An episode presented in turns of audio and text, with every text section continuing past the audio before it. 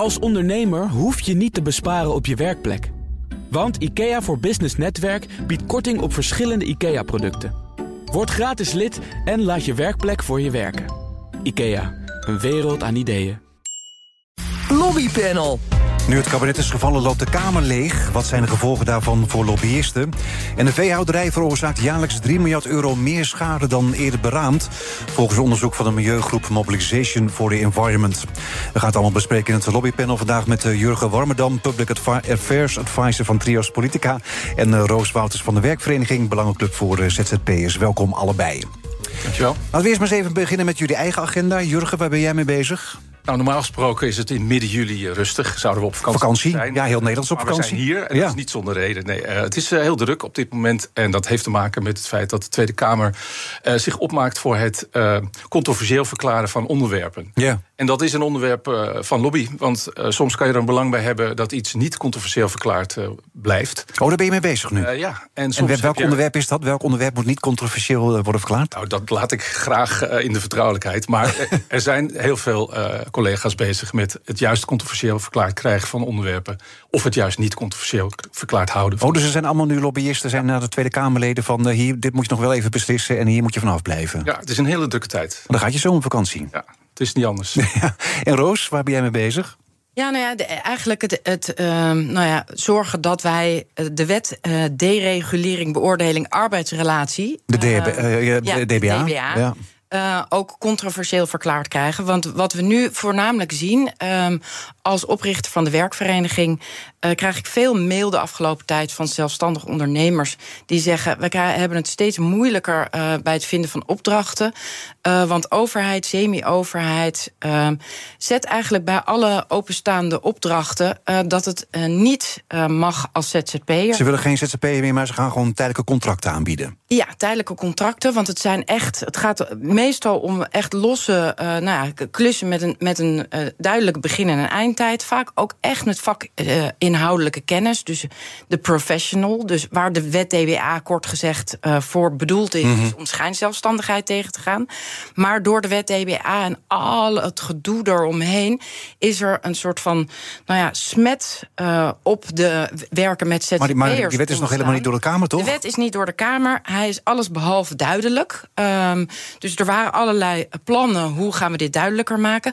Maar heel veel overheden en semi-overheden, met name bijvoorbeeld de gemeente Amsterdam, die zegt nu al bij 90% van eh, de vacatures: dit, dit mag absoluut niet door een ZZP'er gedaan worden. En? Waarbij ze gewoon uitgesloten worden. Nou ja, wij zijn dus de lobby begonnen met. eh, ten eerste valt dit je ook op bij overheid, semi-overheid. Mail ons, roos.werkvereniging.nl. Ehm, want volgens mij mag dit niet.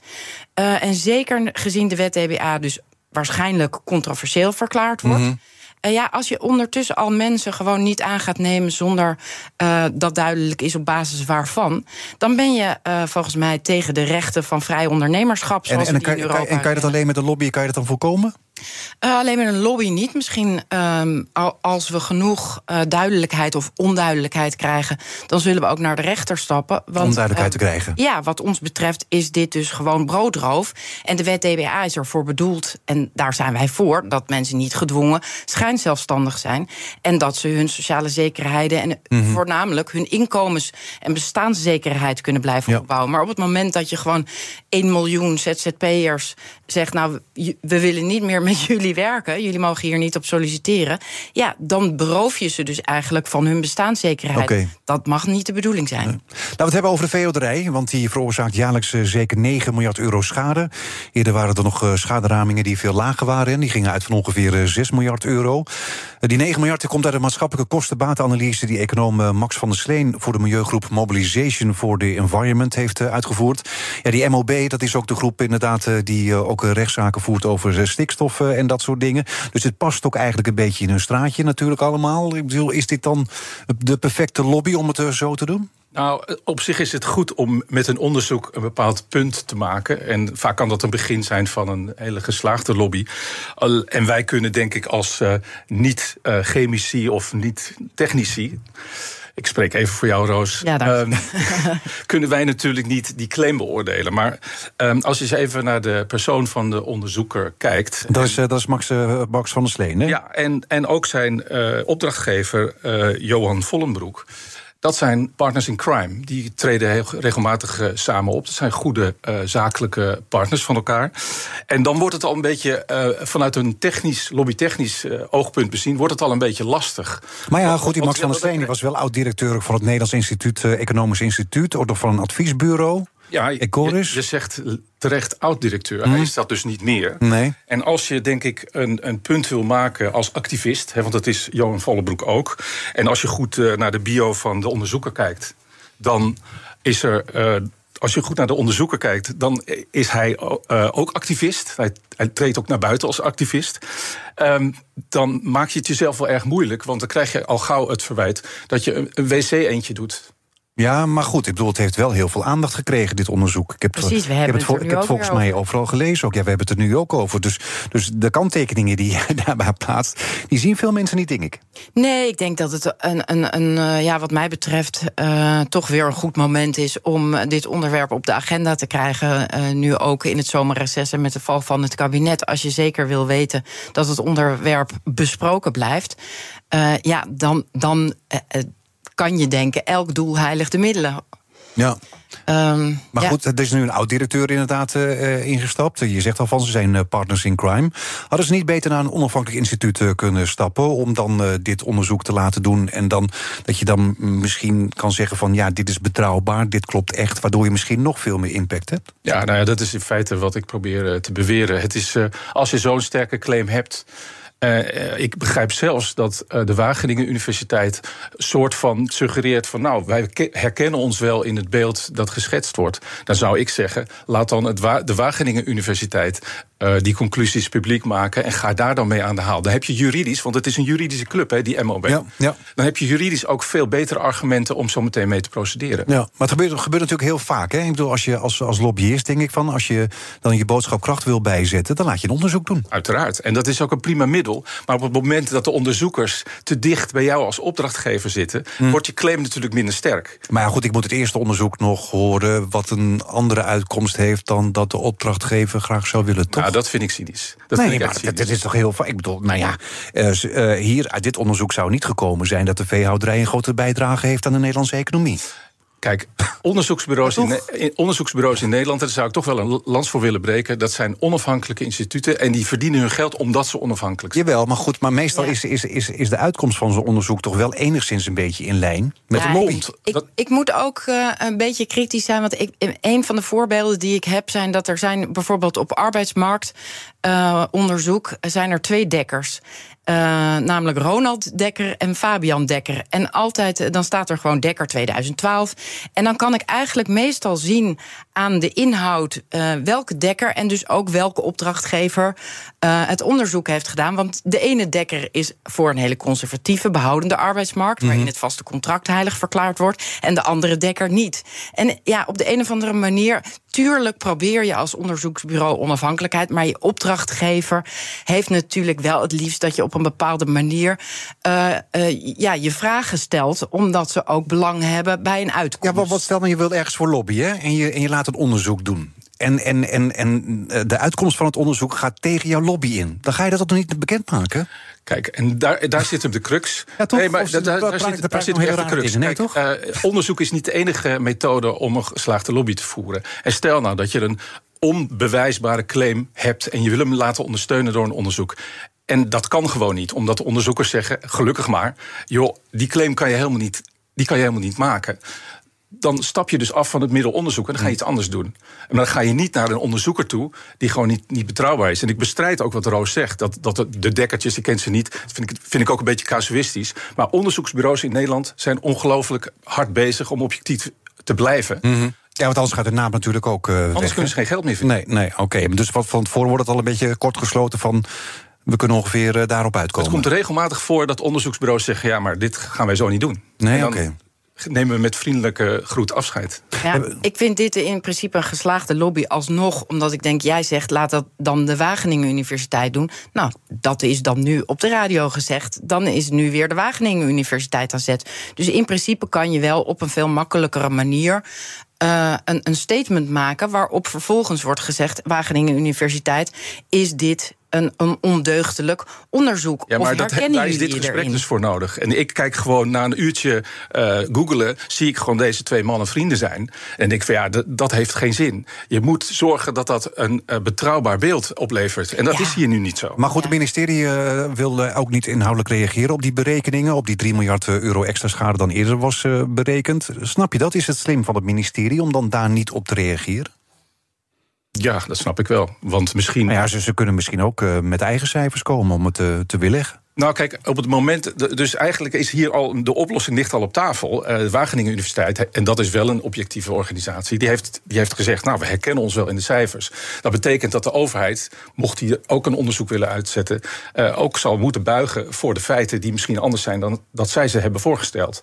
En ik denk dat dat de reden is waarom ze even niks gezegd hebben. BNR Nieuwsradio. Zaken doen. Edwin Mooibroek. we zitten midden in het lobbypanel vandaag met uh, Jurgen Warmerdam van uh, Trias Politica en uh, Roos Wouters van de Werkvereniging. Ja, nu het kabinet is gevallen, ja, elke dag komen er wel weer Kamerleden die twitteren van ik hou ermee op, ik doe het niet meer. Ja, denk fractievoorzitter Azarkan, Sylvana Simons van Bijeen, ze verlaten allemaal de politiek. Wat zijn dan de gevolgen voor jullie hè, als lobbyist? Want ik neem aan dat jullie toch de afgelopen jaren wel een goede band met de Tweede Kamerleden hebben opgebouwd. Zeker. Het is um, in sommige gevallen ontzettend balen. En in andere gevallen is het juist weer, uh, nou ja, schept het nieuwe mogelijkheden. Want soms heb je ook dat bepaalde Kamerleden hebben besloten dat ze het gewoon, wat je ook zegt, niet met jou eens zijn. En dan is het fijn als er iemand anders komt, Precies? Dan is het fijn dat je weer opnieuw kan zeggen: hallo, zullen wij elkaar leren kennen? Ja. En uh, ja, misschien heeft jouw voorganger uh, uit vervelende gesprekken eerder besloten dat ze het niet met je eens zijn. Uh, maar dat biedt weer nieuwe mogelijkheden. Tegelijkertijd is het heel vervelend als je goed contact hebt gehad. Uh, dat je makkelijk ook elkaar kon benaderen. Dat je weet dat je, waar je elkaar op kan vinden en kan versterken. Of maar, maar, maar zijn er nu heel veel? Ik bedoel, blijft er nog iemand van je contacten over? Nou, twee kanttekeningen hierbij. Het is natuurlijk jammer als er goed contact weggaat. Dat is, dat is sowieso waar. Maar het zijn voor een groot gedeelte... het zijn de belangrijke uh, fractievoorzitters die uh, vertrokken zijn. Ja, maar ook heel veel individuele Kamerleden. Hè? En een aantal Kamerleden. Ja. Maar goed, ik wil even de nuance aanbrengen... dat de vakkamerleden uh, vooralsnog uh, voor het grootste gedeelte blijven. En die contacten zijn ook goed. En daar doe je zaken mee. Maar als je het over zaken doen hebt... Uh, dan ben je natuurlijk... is, is de Tweede Kamer is de la, your last post. Hè? Mm -hmm. Het, een goede lobby uh, vindt niet in de Tweede Kamer plaats, maar die vindt op ambtelijk niveau, op de ministeries plaats. En daar verandert verder helemaal niets. Dus het, nee. is, een, het is, een, relatieve schade en het gaat om fractievoorzitters. Weet je, die, die gaan zich niet met ZZP bezighouden. Ik bedoel, kom op. Roos? Ja, uh, uh, ja, toevallig is een van de uh, Kamerleden die geen fractievoorzitter is, die nu heeft aangegeven weg te gaan, Bart Smals. Ja. Had ik goed contact mee, ja. baal ik echt als een stekker van. -huh. Um, dus wat dat betreft, ja. Hoe goed was de contact dan bijvoorbeeld? Uh, nou, uh, um, als hij bepaalde dingen uh, niet goed wist, mm. dan belde hij me soms om acht uur s ochtends op om te zeggen: hoe zit het eigenlijk? Kun je mij nuanceren? Want ik krijg allerlei verhalen, maar ik kan eigenlijk niet goed duiden wat is nou het bezwaar, wat zijn de voordelen. Dan kan je hem ook een beetje in een bepaalde richting duwen ook. Tuurlijk, ja. En hij heeft natuurlijk meerdere mensen die hij zo belt, maar het is wel heel fijn om meteen eventjes te kunnen laten weten van, nou, dit is waarom we er zo tegen zijn. Mm. Dit is onze zorg. Uh, zo wordt het uitgelegd, maar zo werkt het in de praktijk. En ja, dan is het heel fijn als je makkelijk eventjes met elkaar kan sparren. Um, ja, en... Maar nu is er niemand meer die even kan appen, die kan bellen? Of? Nou, die er, niet die er zo voor open staat. Nee. Wat staan Kamerleden er eigenlijk voor open? Ik bedoel, hè, dat, dat je dan toch, toch nou ja, je, je, wordt dan even gebeld van hoe zit het nou precies? Dat je gewoon ook een bepaalde kant wordt opgeduwd? Ja, ze staan er zeker voor open. Kijk, de, het werk van een Tweede Kamerlid is uh, ongelooflijk uh, groot en complex. En, en het zuigt alle aandacht uh, op. En je moet je voorstellen, zo'n ZZP-dossier, wij weten daar toevallig heel veel van. Mm -hmm. Maar de, de, een, voor een Kamerlid is het een fractie van, van, van wat hij moet doen. En de complexiteit van zo'n dossier versus de de tijd die zo, die zo iemand daarvoor heeft. Dus de kennis komt eigenlijk van lobbyisten? Voor een heel groot gedeelte wel, ja. Dat is ook wel ernstig eigenlijk, toch? Als de, als de lobbyisten met eer en geweten en kennis van zaken hun argumenten. Wel, maar lobby, eh, lobbyistennaam zegt het al. Je probeert toch een bepaalde kant eh, probeer je iemand op te duwen. Ja, maar dat is toch niet verkeerd? Nee, ik dat wou is net waar, zeggen, kijk, op het moment dat, dat je een lobby voert dat iedereen aan de tabak moet, ja, dan snap ik dat de, de, het, eh, de associatie negatief is. Eh, maar op het moment dat je zegt, eh, zoals de werkvereniging is trouwens geen belangen. Eh, vereniging voor ZZP'ers, maar voor een arbeidsmarkt die werkt voor iedereen. Mhm. Dan zeggen wij dus van ja, op het moment dat je schijnzelfstandigheid benoemt op een bepaalde manier, dat vooral de zelfstandigen die dat naar eer en geweten met liefde doen, dat je die uitsluit. Ja, dan ben je niet meer het doel aan het bereiken wat je zelf beoogt met, die, met bepaalde wetgeving te doen. Dan is het belangrijk dat je daar een Kamerlid en de ambtenaren eh, eh, van bewust laat worden. En Roos, Die weet kan je, daar tegen het zijn. is natuurlijk wel zo dat de, de, de- het is niet alleen Roos van de werkvereniging eh, die gebeld wordt, maar het zijn ook eh, vak, vakbondsmensen die gebeld worden. Die weer iets heel anders zeggen dan Roos. zeggen gezegd. misschien iets Ja. anders dan wat Ja. Roos zegt. Ja. En, en vervolgens gaat er ieder Kamerlid zelf zijn eigen afweging maken. Volgens mij is dat de volmaakte vorm van democratie. Ja, ja, en het begint natuurlijk bij de ambtenaren. Want je zegt het al, de Tweede Kamer, dat is pas eh, het laatste stapje. Als je, bij, als je bij de ambtenaren niet voor elkaar hebt gekregen Ja, eigenlijk. eigenlijk wel. Ja, daar komt het eigenlijk wel op neer. Ja, Ja, Dus wat mij, ik, ik, heb, eh, eh, ik ben daar ook heel kritisch over. Want bijvoorbeeld op eh, SZW zitten gewoon een hele hoop ambtenaren die een bepaalde visie op eh, eh, de arbeidsmarkt hebben. Ehm, en ehm, ja, welk kabinet er ook wordt gekozen. Ik heb er nu drie zien komen en zien gaan. En uiteindelijk eh, zijn de meeste ambtenaren nog steeds hetzelfde. Dus het beleid En- blijft dan ook hetzelfde, bedoel je? Ja, zij, zij blijven gewoon ook de, de tas van de minister vullen met de informatie die het beste bij de overtuiging van ja, het ministerie. Dus de eh, eigenlijke macht, je moet, eh, je moet eigenlijk als lobbyist... je moet niet bij de Tweede Kamerleden zijn, je moet bij de ambtenaren. Nou, nee, kijk, als je dus bij de ambtenaren, zoals bij mij het geval is. Ja, ik, ik heb het idee dat die ambtenaren zeggen gewoon: ja, dat is leuk dat de mensen eh, zelfstandig willen werken. Maar wij willen dat gewoon niet. Want wij hebben ons sociaal zekerheidsstelsel zo opgebouwd. Het vaste contract moet weer de norm worden. Vinden zij. Vinden zij. En Dat dat, blijven voor zij vinden.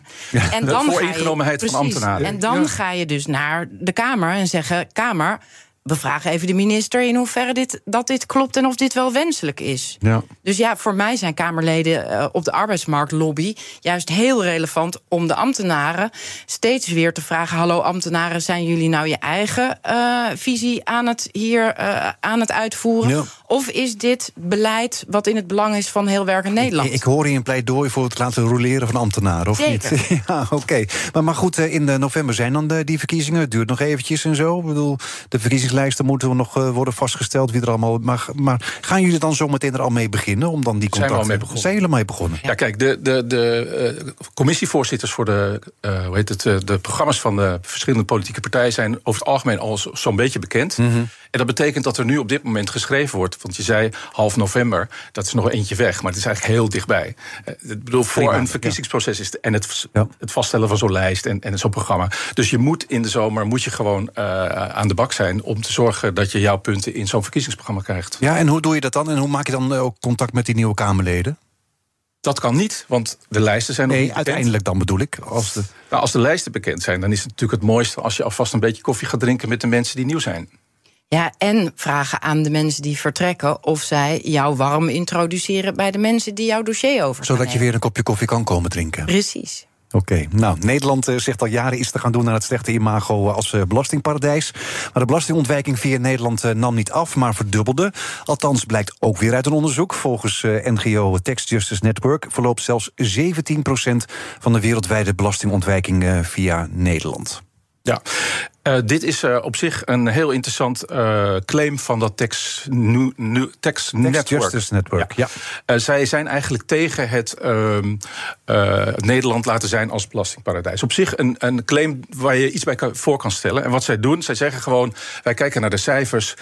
zoveel extra buitenlandse geldstromen gaan door Nederland. Ja, ze hebben cijfers van 2018, want dat zijn de laatste cijfers die bekend eh, zijn. Hebben ze gebruikt van de OESO, hè? Ja. Op, en dat, is, dat laat zien dat er kennelijk iets mis is gegaan bij het eh, kabinetsbeleid. Want het kabinet heeft beloofd: we gaan dit tegen. We vinden dit ook niet ja, goed. 2018 is vijf jaar geleden. Precies. Ehm, maar wat zij, ze hebben één stapje in mijn beleving. Hè, ik, bekijk hier dus, ik kijk hier dus heel technisch naar. Hm. Hebben ze één stapje hebben ze overgeslagen. En dat is namelijk het stapje. Oké, je ziet een stijging. Maar wat is nou eigenlijk precies het economische belang voor Nederland van dit hele eh, festijn? Van Ja, want dan gaat er inderdaad geld naar Nederland, via Nederland naar belastingparadijzen. Maar dan, jouw vraag is dan eigenlijk van, wat is dan het voordeel van Nederland? ja, en Wat hebben wij eraan verdiend? Precies, want als dat belang zo klein is. Ja, dan kan je best als Nederlandse overheid zeggen, sterker nog, dan zou ik dat ook doen. Van ja, hier gaan we mee stoppen. We gaan En als het belang heel groot is, kan je misschien wel zeggen van, komt u maar. Precies, dan gaan we het niet doen. Stel je voor dat we geen wegenonderhoud meer kunnen doen, omdat die Zuidas. eh, eh, aan- nee, als de Zuidas niet meer draait, dan kun- dan kunnen we geen wegenonderhoud doen. Ja, dan moeten we misschien wat relatiever naar die Zuidas kijken. Ja. Dus Ja, ik, ik vind dat je die, als, als je een bepaald punt hebt, dan moet je zorgen eh, dat, je, dat je ook weet wat het belang is van de Nederlandse overheid voor dit. En dat hebben ze nu gemist. Ja, vind ik wel. Ja? Nou, wat mij betreft, eh, het, het punt gaat natuurlijk ook heel erg om het imago. Kijk, wij staan al heel lang bekend als een belastingparadijs. Wie daar de vruchten dan ook van Mhm. de brievenbusfirma's. De brievenbusfirma's. Dat is niet iets waar ik, als ik in het buitenland ben of met andere mensen spreek, trots op ben. Op het moment dat de overheid zegt: wij gaan dit aanpakken, dit willen we niet. Zeker als we er ook nog zo weinig baat bij hebben. Maar Dat ik weten, we, dat weten we niet, want dat stond niet in het onderzoek. Nou ja, het, het wordt meestal doorgesluist naar Ja. andere landen. Nou, ik de, neem de toch aan dat er wel iets eh, blijft hangen, toch? Nou, ik denk vooral dat het heel handig is om vriendjes te behouden. Dat je zegt, oké, wij gaan eh, dit met jullie zo doen in ruil voor.